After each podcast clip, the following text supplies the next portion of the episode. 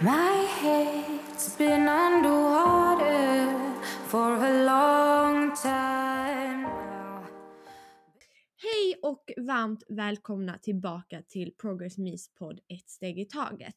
Jag som pratar heter Cornelia och idag har vi också med oss Louise. Varmt välkommen hit! Tack så mycket, kul att vara med. Ja, hur är läget med dig? Det är faktiskt jättebra. Ja, Det är skönt och jag är ju nere och hälsar på familjen i Malmö nu. åh vad härligt. Så det är jättemysigt. Hur är det med dig? Jo men det är bra med mig. Solen skiner. Jag är ju också i Malmö så det är toppenskönt. Man får gå ut och ta en promenad i solen sen och bara, ja, jag ska nog ta ett glas vin också. Ja, gud ja. Låter som en jättebra idé. Ja. Eh, vi ska prata lite om eh, lite olika grejer idag, men bland annat komma in lite på eh, klädindustrin och modebranschen eh, och hur den har liksom kopplingar till kroppen och hur, hur vi två ser på den och att vissa butiker eller vissa klädeskedjor eller själva modebranschen kanske är lite skev. Ehm, och ja, prata utifrån det. Mm. Och jag tänkte om eh, du skulle vilja börja med att berätta hur du ser på klädindustrin och modebranschen. Ja, absolut. Um, alltså jag tycker ju att det är ganska problematiskt. Uh, och för mig, det jag gick igenom så har just klädindustrin och den här hetsen kring storlekar varit väldigt påtaglig. Mm. Um, och det är ju liksom, jag ser ju att allt fler kedjor vill vara inkluderande och Mm. kanske i sina kampanjer använder sig av eh, kroppar i alla stor, storlekar och så vidare. Men sen när det kommer till att du kanske går in på deras hemsida om det är en online-shopping, då ser du inte samma, samma kroppar visa kläderna utan då är det helt plötsligt samma liksom idealkropparna som visar upp Mm. kläderna där. Eh, och det finner jag ganska problematiskt för att det, det är inte så lätt för alla att relatera Nej. till de här modellerna och liksom hur hade detta plagget suttit på någon med min kropp till exempel. Mm. Ja men precis. Eh, nej jag håller med dig helt och sen och sen är det också till exempel då både du och jag eh, har ju pluggat nu med merchandising. Ehm, så vi vet ju eller vi har ju blivit lite insatta också i hur det fungerar just med till exempel det här med omnichannel som är att eh, ett företag liksom ska ha kanaler som stämmer överens med varandra. Och vissa är ju inte jättebra på det, precis som du säger, att i butikerna så kanske man ser en del bilder och, en, och de försöker vara inkluderade, inkluderande och så vidare. Men sen på hemsidan så är det bara väldigt smala kroppar och eh, små storlekar och så vidare. Mm, precis. Och där tror jag vi måste jobba väldigt mycket. Mm. Nej Eh, men det tror jag med. Mm. Eh, och sen eh, faktiskt en, eh, jag vet inte om det var kanske du som skickade det till mig eller om det var du och jag som pratade om det. Men just det här, det var en eh, klädeskedja som fick eh, en kommentar kring att de hade så himla små, eller att de bara hade modeller som visade upp, som var väldigt smala, så de visade bara upp storlek XS och S. Och så var det någon som hade eh, kommenterat så, hur, eh, eller tänker ni på att ni kanske ska ta in modeller som har större storlekar också så att man kan se hur kläderna sitter på innan man beställer.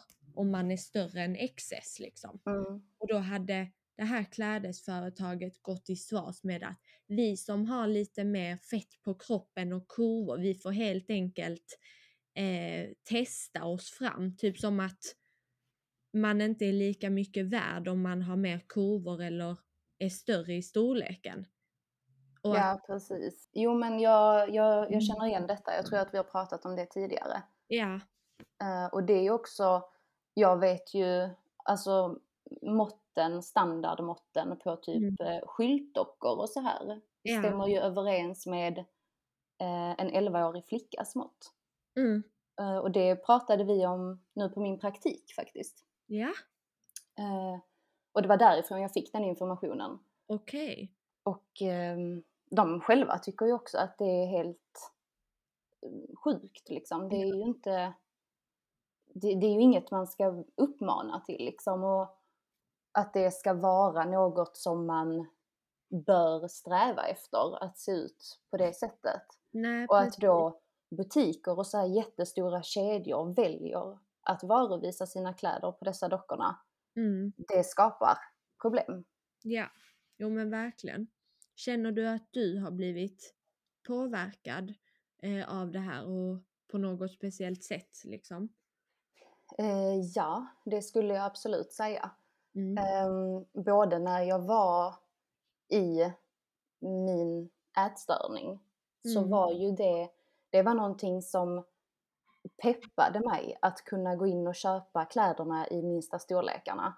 Ja, Eh, och det fick liksom mig att känna så här några sekunder av lycka, typ att nu har jag uppnått någonting för att jag kan få på mig de minsta jeansen. ja, Medan det är helt, det har ju ingen betydelse överhuvudtaget. Men för mig då Mm. så var det så extremt viktigt. mm, Ehm, och idag då när jag ändå vill tycka att jag är frisk mm, så kan det kan fortfarande sätta igång lite hjärnspöken om jag då känner att jag, framförallt jeans, är jättekänsligt för mig att köpa för att jag måste alltid gå upp typ två storlekar i jeans. mm, Ehm, och då till en början så känner ju jag det mot mig själv att liksom Mm. oj gud har jag, har jag liksom lagt på mig, vad har hänt? mm. Men den känslan försvinner ganska snabbt och går sen över i att jag blir istället irriterad för att jag tänker på personer som kanske har storleken som jag behöver gå upp till. Ja, De kanske inte har möjlighet att köpa dessa jeansen för att två storlekar större än det finns inte. precis. Och då går det istället över till en irritation för att Mm. då känner jag att jag, jag har turen att kunna gå Mm. upp två storlekar. Mm. Men alla har inte det för att klädkedjorna är inte så pass inkluderande som jag tycker att de bör vara. Precis. Nej, för att jag, eh, jag själv känner igen mig väldigt mycket i det för att jag, det var kanske ja, men ett år sedan så när jag var frisk liksom så skulle jag handla ett par strumpbyxor Ehm, och jag tänkte automatiskt att nej, men jag, jag gillar inte om strumpbyxorna liksom är för tajta, att de liksom så stryper åt benen liksom. Så att, eh, automatiskt så tog jag en större storlek, LXL tror jag Mm. fanns, eller det fanns nog bara SML. Ja, så tog jag L i alla fall. Och när jag skulle kom hem och skulle prova dem och sätta på mig dem så fick jag inte på mig dem alltså upp över låren. Nej. Och jag alltså blev helt chockad så jag gick faktiskt in med strumpbyxorna till butiken och klagade och sa att det här får ni kolla över och kolla om det alltså är något produktionsfel eller så för att jag som, jag är inte en L i mig själv Nej. och om jag inte får på mig en L, en person som då är L, vilka strumpbyxor ska den personen köpa? Precis. Och Ska det de inte blir- få ha några liksom? Ja men precis, det blir så himla exkluderande. Mm. Ehm, och det liksom, för mig gav det verkligen inte någon ångest att jag inte fick på mig en L utan mer som du beskriver att det skapade en irritation. Att det liksom kändes så skevt att jag hoppades verkligen på att det var något produktionsfel som de behövde se över. Istället för att jag liksom skulle stå där och liksom fråga om att Nej men alltså stämmer detta verkligen? Och de höll ju med mig i butiken men de hade inte fått några andra klagomål på det så de visste inte. Så jag fick ju inte ens ett par nya strumpbyxor eftersom att eh, jag hade öppnat och brutit förpackningen. Vilket jag tycker är jättedåligt men ja. Ja, nej men jag har haft exakt samma upplevelse av just strumpbyxor. Ja, Det, man, man tänker ju att ja, men jag köper dem i den storleken så är jag helt säker på att de passar. ja, Och så går det inte, alltså de, de sprack ju när jag tog men dem på mig. Och det, detta var inte heller länge sedan. Ehm, och då det, det var exakt samma där. Jag blev så himla frustrerad för att jag kände verkligen att alltså, jag kan ju inte jag kan ju inte ens föreställa mig hur det måste kännas Nej. att ha svårt att hitta kläder.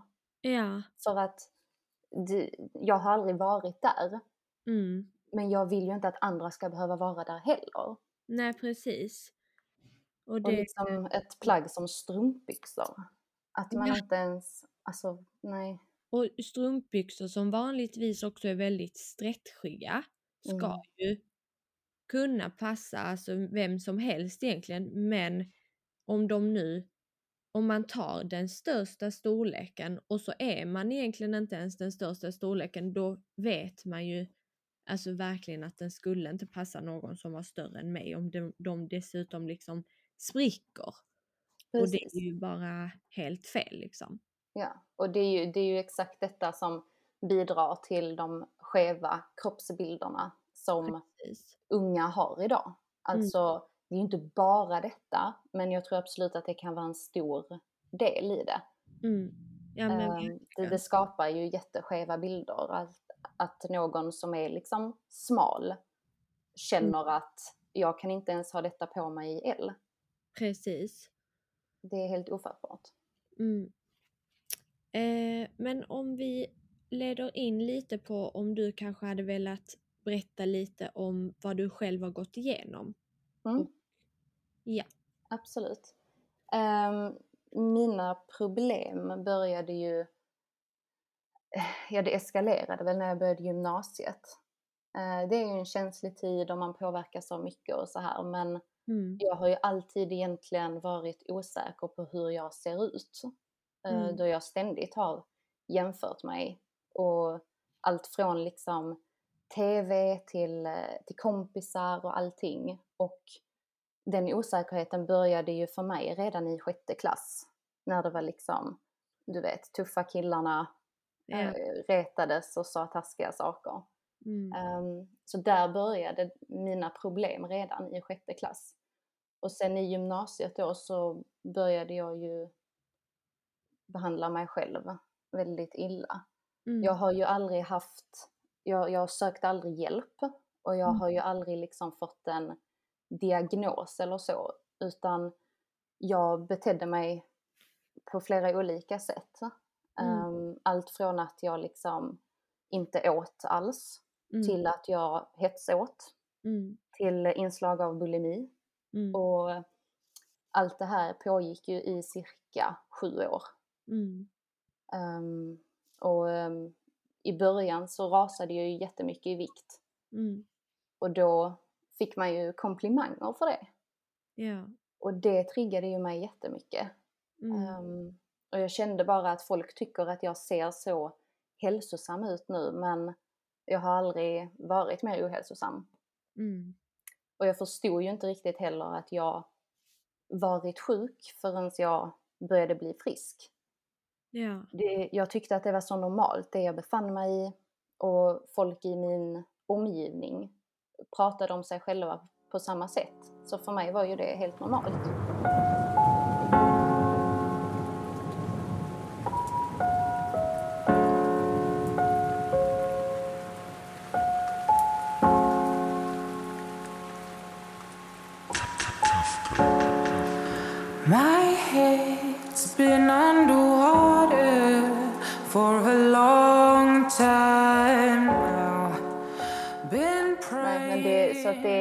Så det var för mig. Och jag vill ju ändå uppmana andra till att faktiskt öppna upp sig och inte jobba så hårt för att dölja det som jag gjorde. Ja. Eh, För det, det hjälper. Det man behöver inte kanske, om man inte känner sig redo att liksom besöka en klinik eller prata med läkare, vården, så Mm. åtminstone liksom att öppna upp sig och prata med någon vän eller Mm. en familjemedlem eller någonting så behöver det kanske inte ta sju år. Ja, ja men precis. För att eh, lite liknande var det ju för mig. Jag döljde det också, eller dolde det också väldigt mycket. Ehm, och jag fick också väl till viss del uppmärksamhet ehm, och att man gillade den men egentligen så var man bara väldigt sjuk och Mm. inte alls hälsosam som andra beskrev en som. Men jag tränade väldigt mycket under en viss eh, period och detta fick jag komplimanger för, inte just alltså fysiskt hur min kropp såg ut utan mer att men gud vad du är duktig, du är så himla hälsosam som tränar så mycket medans Mm. det för mig var helt tvärtom, att det var inte alls hälsosamt på det sättet som jag tränade och åt. Eh, Jag tror att man som närstående eller runt omkring också måste vara lite, ha lite uppsyn kring det liksom. Ja, mm. Vad som faktiskt eh, sker och händer för att det är så lätt att man slänger ut sig en, sig en kommentar om att nej men gud vad du är nyttig, gud vad du är duktig som gör det här eller gud vad du har blivit smal och sen så leder det till något helt annat och det är inte alls så det ligger till egentligen. Nej, precis. Och Mm. jag vet, det var ju, jag fick ju frågan flera gånger av eh, folk som kanske inte hade träffat mig på ett tag och de bara Mm. oh wow, hur har du gjort? Du har blivit så smal.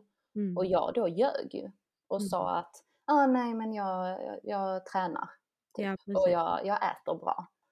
Och det är liksom, jag, jag var ju väldigt noga med att försöka hålla någon slags fasad. Jag ville ju inte, jag ville ju liksom inte att folk skulle se hur jag betedde Nej. mig eller eh, tycka typ synd om mig. Jag har en jättenära relation med min mamma, alltså hon hade ju, Mm. hon hade ju både hört och märkt och allting så att mitt beteende var väldigt uttänkt. Och det fanns så himla mycket bakom Mm. liksom att eh, den får inte märka det, jag får inte göra så när jag är där. Och liksom, så att jag, jag Ja. kommer aldrig beskylla någon för att de inte såg eller förstod. Eh, För att eh, om det var något Mm. jag var bra på så var det att eh, dölja det. Och det pågick som Mm. sagt ändå under sju års tid. Och det, det liksom krävs ju bra jobb för att lyckas dölja något under sju år. Ja, verkligen. Tror du att modebranschen har påverkat din självkänsla på något sätt, alltså på ett sämre plan? Nej, alltså jag skulle väl egentligen inte säga det, inte idag i alla fall. Nej? Just för att jag känner att jag eh, har blivit så pass trygg i mig själv att den inte gör det längre utan som vi pratade om innan, att jag mer då Mm. tänker på andra. Men Mm. d- då när jag var i min ätstörning och i mina problem så var det Mm. ju som sagt superviktigt för mig att ha minsta storleken i kläderna. Och då gjorde jag ju också så att sen, sen när jag började eh, lägga på mig igen så blev det ju, då brydde jag mig ännu mer om liksom Mm. siffran som stod i kläderna. Och då Ja. köpte jag ju hur många plagg som helst i typ så här storlek 34 eller ja, den minsta som fanns för att, Mm. jag, för att jag då skulle motiveras till att typ inte äta så att jag skulle komma i dessa kläderna. Okej. Och på så sätt så har ju det här med storlekar påverkat mig väldigt mycket. Ja. Att jag har hela tiden sett det som ett mål. Att Mm. ha det minsta liksom. Så ja. på så sätt har jag väl ändå blivit påverkad. Och Mm. jag tycker att, eller jag, jag tror att om jag bara hade fått se mer eh, variation av Mm. modeller på Mm. online då det är, det är där jag gör största delen av min shopping. Ja. Eh, så eh, men jag tror att den lilla grejen hade hjälpt. Mm. Ja men verkligen. Nej för att jag tänker just på, ehm, nej men om vi till exempel ser Victoria's Secret. Mm. Eh, de har ju en fashion show. Eh, och det kan ju vara väldigt många som blir påverkade av denna. Jag vet själv liksom hur påverkad jag har blivit. Hur Mm. ser du på, alltså för att jag vet att eh, de bestämde ju sig för att sluta med Victoria, eh, Victoria's Secret Fashion Show på grund av att de väl fick en del kommentarer och lite hat kring att varför har de inte eh, alla olika kroppar eftersom att vi ändå nu lever liksom i, vi är på 2021 liksom. Och Mm. har vi inte kommit längre har de liksom, kan de inte ha med alla olika kroppar men istället så valde de att stänga ner och inte ha något längre. Hur ser du på, på det? Ja, alltså det för mig är ju verkligen att eh, sända ett budskap. Mm. Att istället för att då eh, ta ett steg i rätt riktning eh, Mm. och då bli mer inkluderande och liksom även så här, alltså verkligen modeller i alla storlekar, eh, längder, för det är ju också så här, du måste vara lång och liksom, om man bara hade fått se alla typer av kroppar, det hade varit så mycket mer givande att liksom, mm, alltså både för företaget och Mm. för oss som tittar.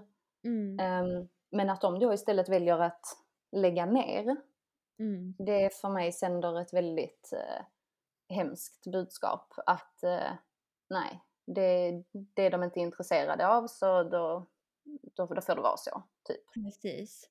För jag vet att branschen har ju väldigt länge, alltså just det här med att sälja underkläder och generellt sälja kläder liksom har i många år sett som att de har eh, smala snygga skyltdockor för att kläderna sitter bäst på dem har många motiverat det som.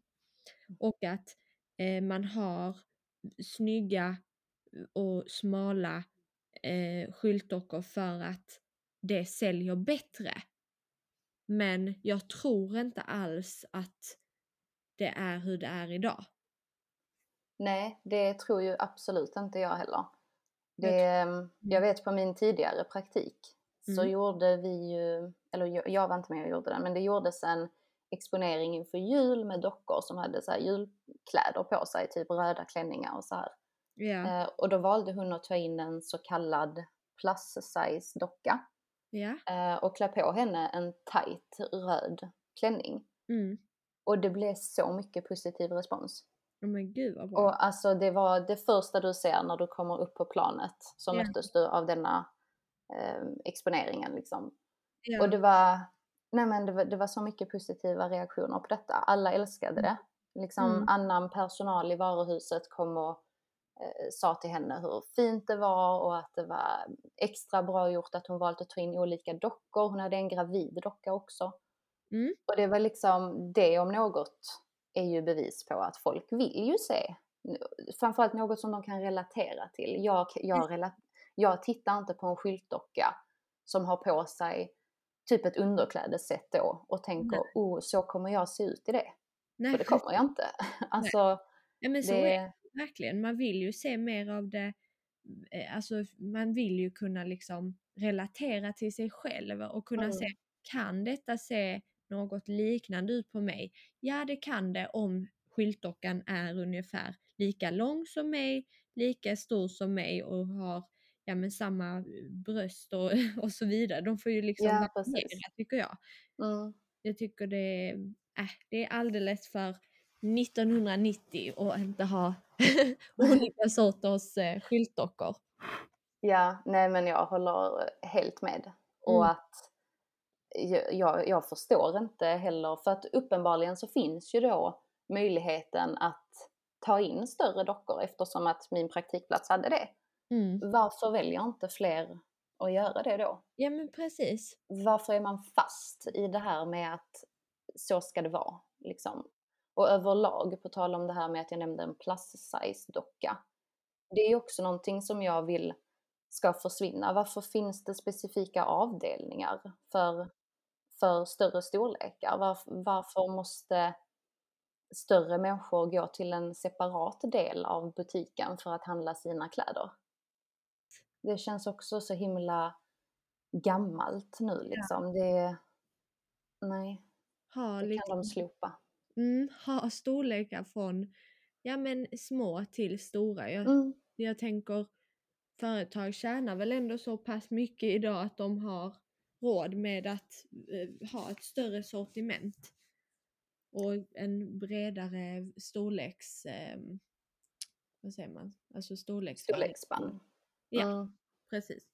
Jo men det, det tror jag och sen tror jag ju också att de hade tjänat på det i längden för att då, kom, då känner ju fler att de kan komma och handla. Ja men precis.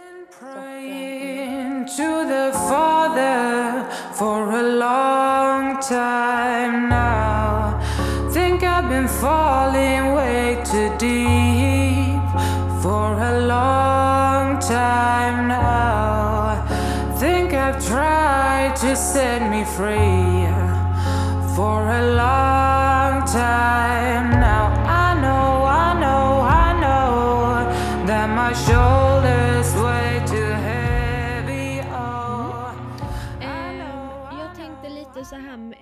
anpassat till ideal. Eh, vilka, Mm. Vad tror du att är tydliga eh, alltså idealkläder idag? Förstår du vad jag menar? Alltså till exempel att eh, vi hittar mycket om vi kollar på bhar, vad har vi för ideal på bhar idag som vi kanske borde ändra på? Är det till exempel att vi bara hittar eh, stora bhar eller små bhar? Eh, eller till exempel att eh, om man istället kollar på tröjor, eh, att tröjor är oftast bara väldigt tajta. Mm. Eh, okej. Eller byxor, att de är gjorda för att bara eh, visa rumpan och att den ska se stor ut. Förstår du vad jag menar? Mm, jag förstår. Eh, nej men det, det tycker jag absolut också syns i liksom sortiment. Det är väldigt Mm. mycket eh, så crop tops och ehm, Mm.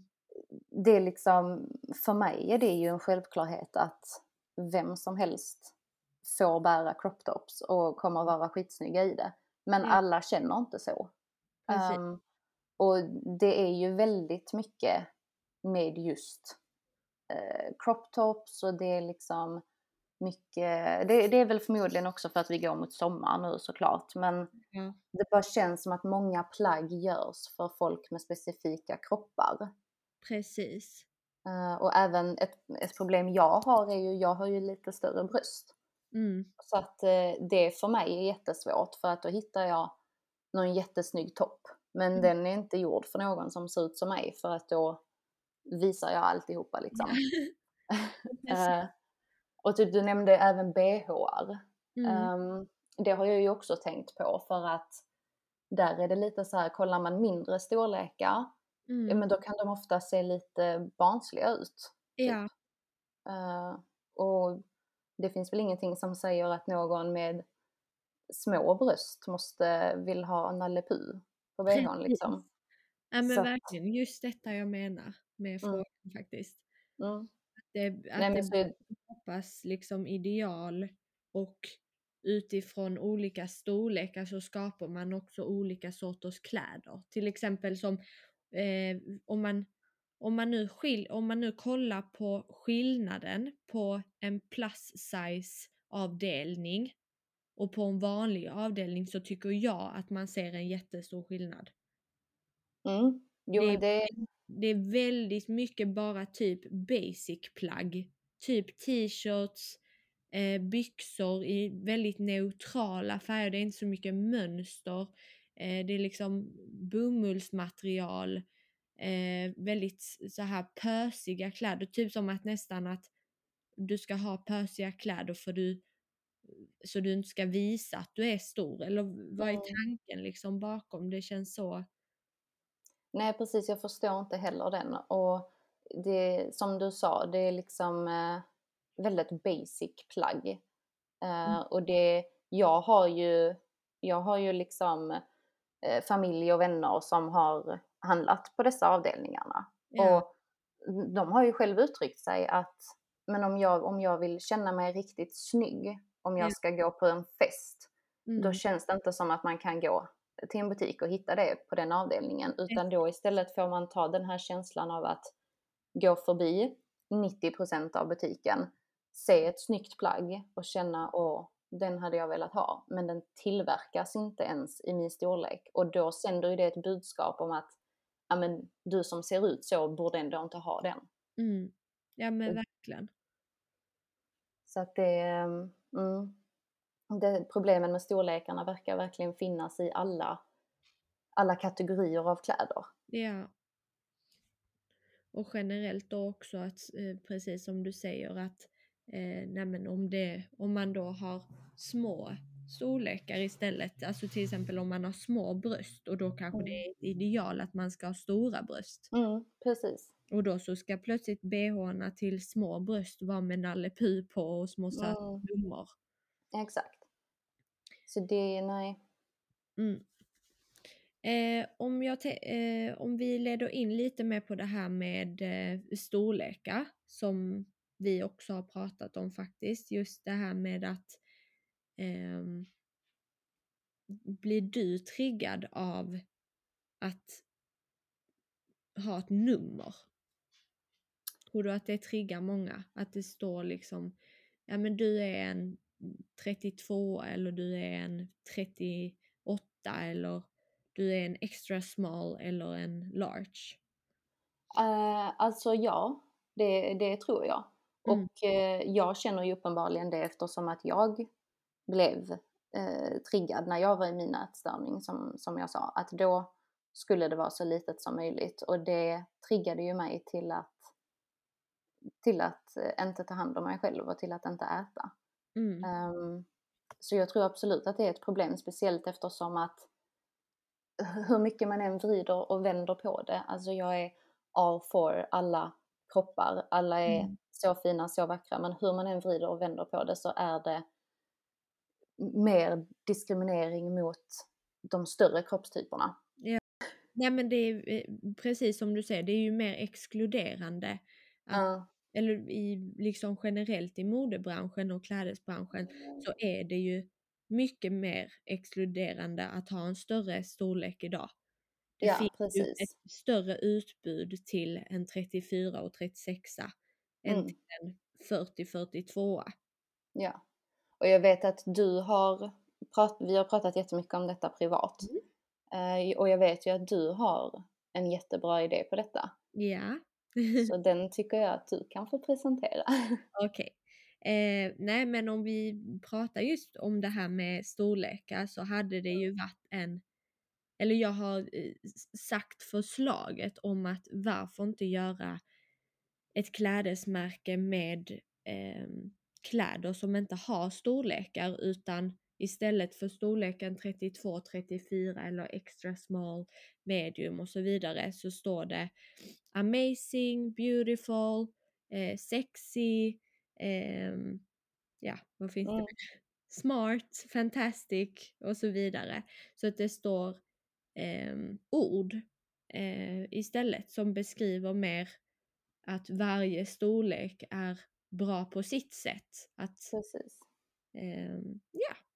Det, det tycker jag ju är en helt fantastisk idé. Mm. Och självklart så kommer man ju behöva ha någonting att utgå ifrån. Till exempel att Mm. ehm, amazing motsvarar storlek 40.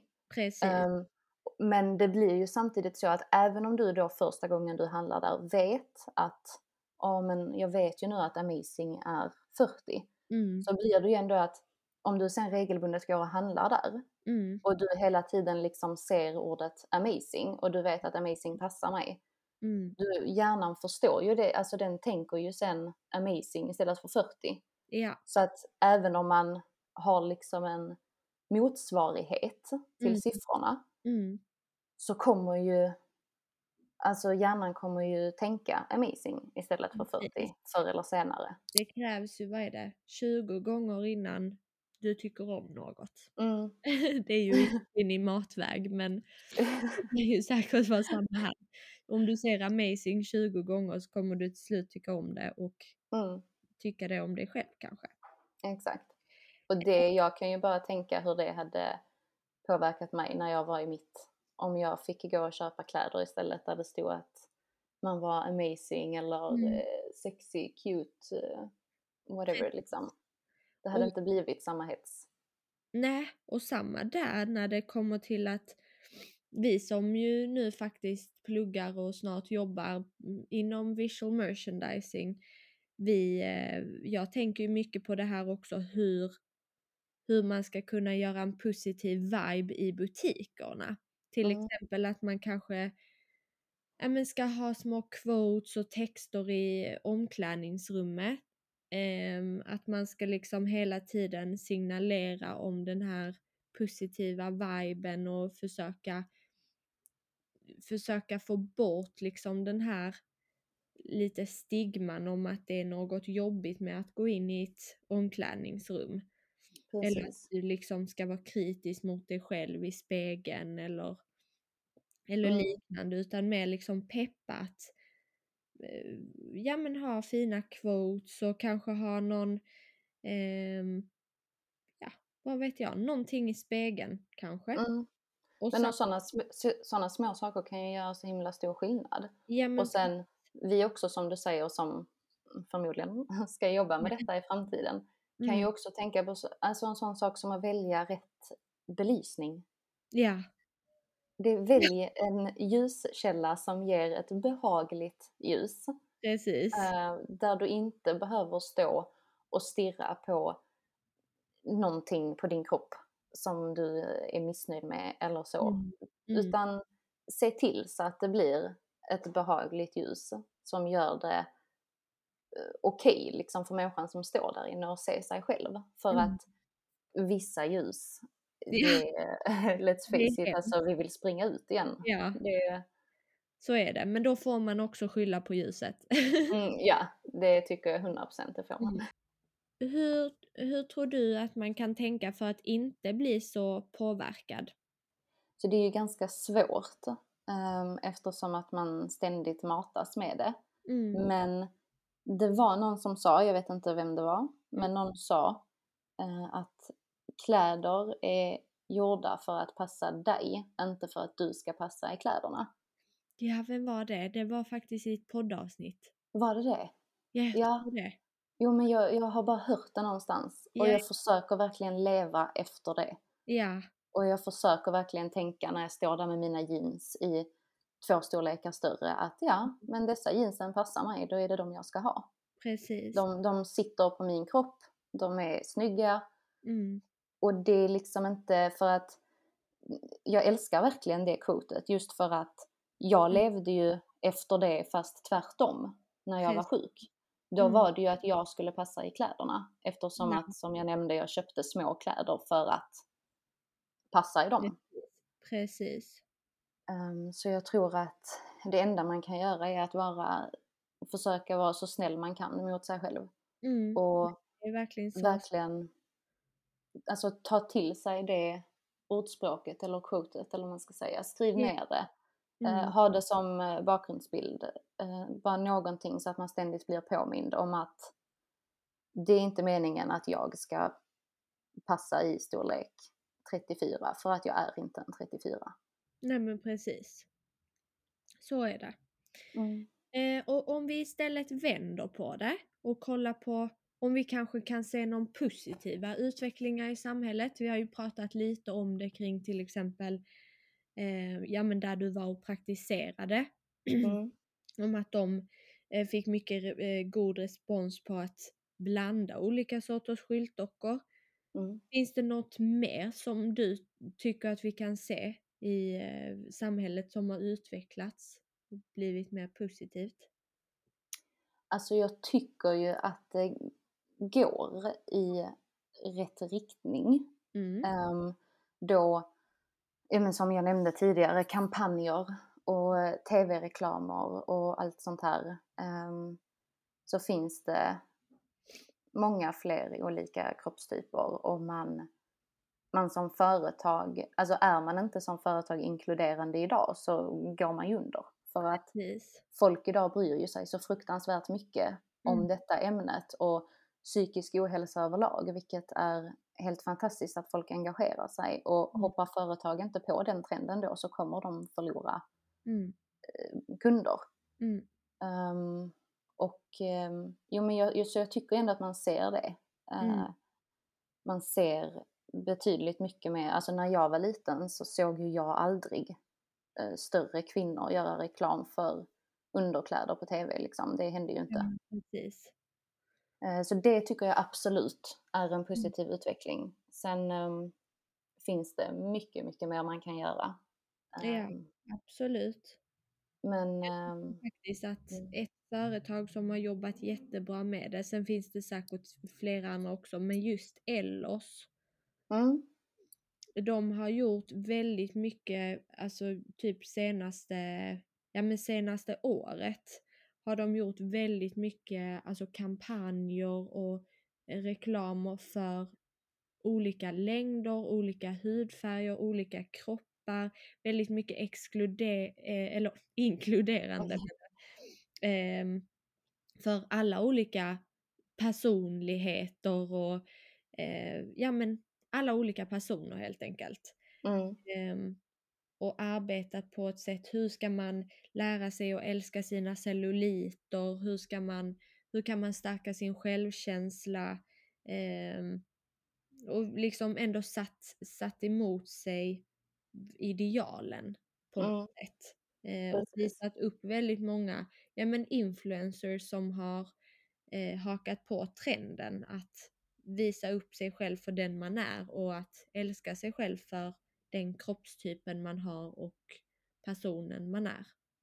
Mm, precis. Eh, så faktiskt en stor applåd till dem.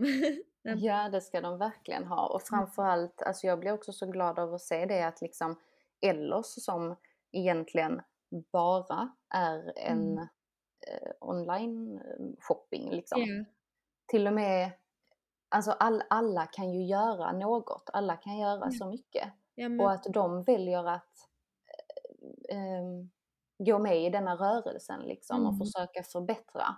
mm, Det är verkligen, verkligen pluspoäng. Just Lindex Ja.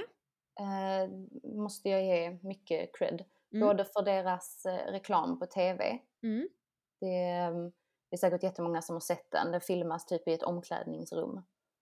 Eh, och alla är så glada och de typ, det är så mycket girl power. Och Ja. eh, alla ser helt olika ut. Alla är jättefina på sina sätt. Och Mm. det är ju en sida som jobbar med detta även på sin eh, e-handel. ja, För går du in på Lindex och kollar på typ BHR, mm, ja men då ser du dessa kvinnorna precis. eh, mo- modella liksom där. Mm, Och det är ju det var precis det jag menar med vissa andra kedjor. Att de kan ha med större kvinnor i sina kampanjer men sen inte på sin e-handel. Och det blir så mycket dubbelmoral. För att Mm. varför är det okej i kampanjen men inte på er sida? mm. Och då Eh, blir det ju också det här som vi pratar om, att eh, omni-channel då. Mm, Att man exakt, det hänger inte ihop. Precis. Mm. Så det, Lindex har faktiskt jobbat eh, jättebra med det tycker jag. Mm. Mm. Nej, för eh, om jag också tänker på något eh, positivt, liksom så, jag, det var en, eh, jag minns inte när det var, jag tror det var säkert ett år sedan, kanske till och med två, så kom det upp en sån bild hur det var på hur skillnaden hade ut, eller hur det ändå hade utvecklats på Times Square. Men hur det hade utvecklats, alltså typ den största reklamen var typ för, jag tror det var Vogue eller något sånt Mm. som var där uppe på en sån stor eh, bild liksom. Och så visade de skillnaden på hur det var typ 1900, ja men 1997 eller vad det var. Eh, Och Mm. var det en kvinna som liksom var väldigt, väldigt smal och hon eh, satt liksom och posade typ nästan naken fram, typ i eh, en sand, sandstrand och ja, hade typ en parfym i handen. Nej men typ så. Mm. Och sen så visade de skillnaden hur det var 2020. Och då var det också en bild då från Vogue men så var det en mörk kvinna och hon var lite större. Åh ja, den har jag sett.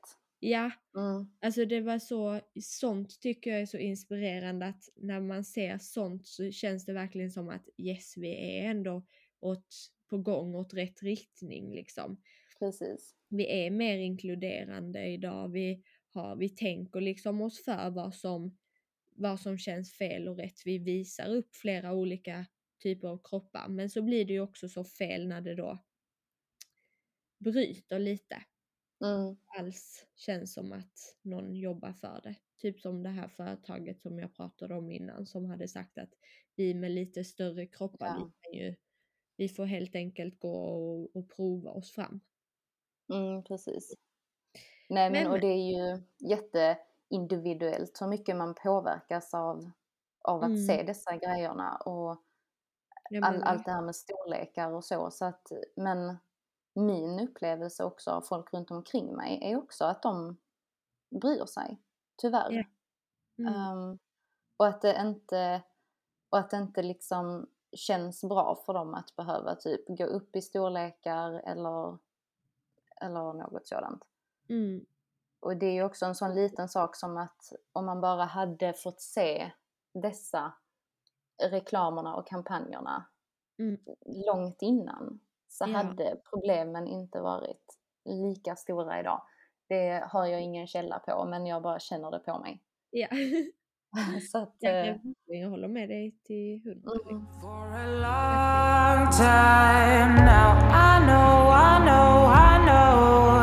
that my shoulders weigh too heavy. Oh, I know, I know, I know that there is no wings Vi har ju pratat om det en del, men tror du att klädindustrin och modebranschen, precis som du faktiskt har gått igenom, men tror du att det kan vara en anledning till att personer utvecklar en ätstörning? eh, ja, alltså det, det kan det säkert vara. Mm. Eh, speciellt när, när eh, plagg typ görs om. Mm. Jag vet ju att eh, Gina Tricot har fått ganska mycket skit för att eh, folk som har köpt deras jeans för typ några år sedan Mm. köpte i storlek M, säger vi. Mm.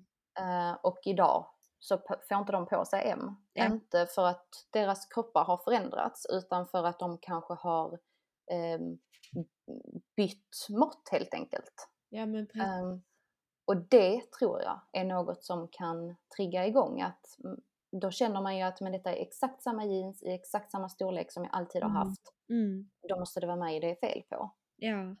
Och då kan det trigga väldigt lätt att man känner att ja men då kanske jag får börja röra på mig lite och så blir det här börja röra på mig lite ett besatt beteende sen liksom att man Mm. att, att man går överstyr helt enkelt och då, då, då är man ju redan halvvägs där liksom Ja. till en ätstörning. Jo men Så att, verkligen. eh, det tror jag tyvärr. Mm. Jag tror absolut att eh, modebranschen och klädindustrin är faktiskt en väldigt stor anledning i vissa fall till att perso- personer utvecklar en ätstörning. Tänk om vi Mm. bara till exempel på statistiken bland alla modeller som har en ätstörning Mm, precis. så är ju den väldigt hög och jag, förs- jag har faktiskt en tjej som eh, har varit modell och som blev väldigt, väldigt påverkad och led av väldigt mycket psykisk ohälsa och eh, ätstörningar. Och det var just med tanke på att hon var modell. Eh, Mm. att det var så hög press och du skulle helt enkelt hålla, ja, men hålla vikten och hålla måtten. Mm. Ehm, och då blev du mer eller mindre förbjuden att äta detta och du skulle träna på ett visst sätt och du skulle banta vissa perioder och, och ditten och Mm. Precis. så jag tror absolut att modebranschen och klädindustrin har en väldigt eh, negativ påverkan på till eh, vissa personer som faktiskt utvecklar en ätstörning just på grund av det. Ja, gud ja. Mm. Och det, det behöver ju inte enbart vara eh, vilka mått de utgår från Nej. i storlekarna utan det handlar ju också om det som vi har pratat om hela avsnittet. Eh, Vilka modeller man väljer att visa det på. Mm. Och jag kommer att tänka på så här när vi pratade om Victoria's Secret. Ja. Jag menar hur många typ videos har man inte sett där de bara Åh, ät som en Victoria's Secret model, träna som en Victoria's Secret model. Och Ja. så är det så här tips på hur du ska äta och hur Mm. du ska träna. Och det är ju jätteproblematiskt. Ja gud, Men det är ju folk som matas av dessa liksom ständiga bilderna. Mm. De, nej men man, man känner ju då att ah, men om, om jag bara gör detta så kanske jag också kommer att se ut så. Mm. Om vi då kollar på till exempel den här eh, tidningsartikeln som du delade häromdagen till Mm, exempel. precis. Eh, där har vi ju också väldigt mycket att det är ett stort problem att tidningar Mm, publicerar grejer som har, ja men till exempel ät så här så blir du som en Victoria's Secret modell. Mm, Och så är det typ att man ska äta en banan om dagen. ja, precis. Och Alltså- det är dessa tidningarna, alltså det är, Mm. och jag blir så frustrerad. Det är Ja. hela tiden bara, eh, gå ner 10 kilo på 10 veckor. Eh, Mm. Ät så här för en bikinikropp. Och man bara, men herregud. Låt mig vara. Ja, alltså bara låt, alltså låt oss ha en kropp bara. Mm. Det är, Precis, och jag tror att de som blir mest påverkade av de tidningarna, eller de som köper de tidningarna och liksom blir provos... eller typ så, jag ska inte säga går på, men, ja, men blir, eh, vad säger man, blir sålda på rubriken Ja, typ. De men, alltså folk personerna- köper ju det. Ja, men jag tror också det är de som köper det är de som behöver det minst. Ja, ja, ja. som är sjuka som då liksom tar till sig bara åh gud nu hittar, måste jag hitta ett nytt tips på hur jag kan gå ytterligare ner i vikt. Mm. Ja men gud ja. Mm. Och det var ju också, jag vet, jag var ju en av dem som gick och köpte dessa tidningarna. Jo, Det, jag tyckte att det, det var ju som ljuv musik i mina öron. Det, det, det är så himla lätt för vissa andra att säga bara, "Ah, men jag förstår inte hur man kan köpa det eller hur man kan bli så påverkad. Men ja. är man i det så, så vill man liksom, ma- man är så besatt Mm. och så van vid att leva så så man vill typ inte sluta. Nej. Och då, då, då tror du på allt sånt. Mm. Usch ja. Det, vi får stämma tidningarna. Ja, det tycker jag. Men någonting Göra en egen tidning. Ja precis, som, som skriker hat mot de tidningarna som gör fel. Exakt. Då tänkte jag att vi ska avsluta med tre snabba frågor som jag ställer till dig. Ska du svara lite snabbt? Okej. Mm. Då är första frågan favoritbutik med positiv syn till olika kroppar, vikt och storlekar. Oj, men då, då måste jag ju säga Lindex. Eh, bästa sättet att vända en negativ dag till en positiv?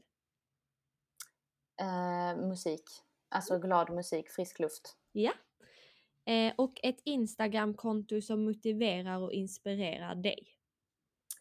Eh, oj, gud, det finns faktiskt jättemånga. Mm. Eh, men eh, alltså det finns en tjej som heter Linda-Marie. Ja. Älskar henne. Mm. Så härlig tjej. Och det finns, eh, nej men det, det finns eh, för många. Men då säger vi Linda-Marie. mm.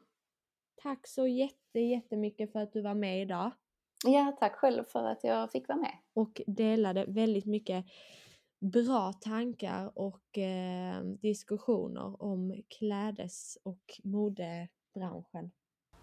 Tack så jättemycket för att ni har lyssnat på dagens avsnitt. Vi ses och hörs i nästa. Puss och kram!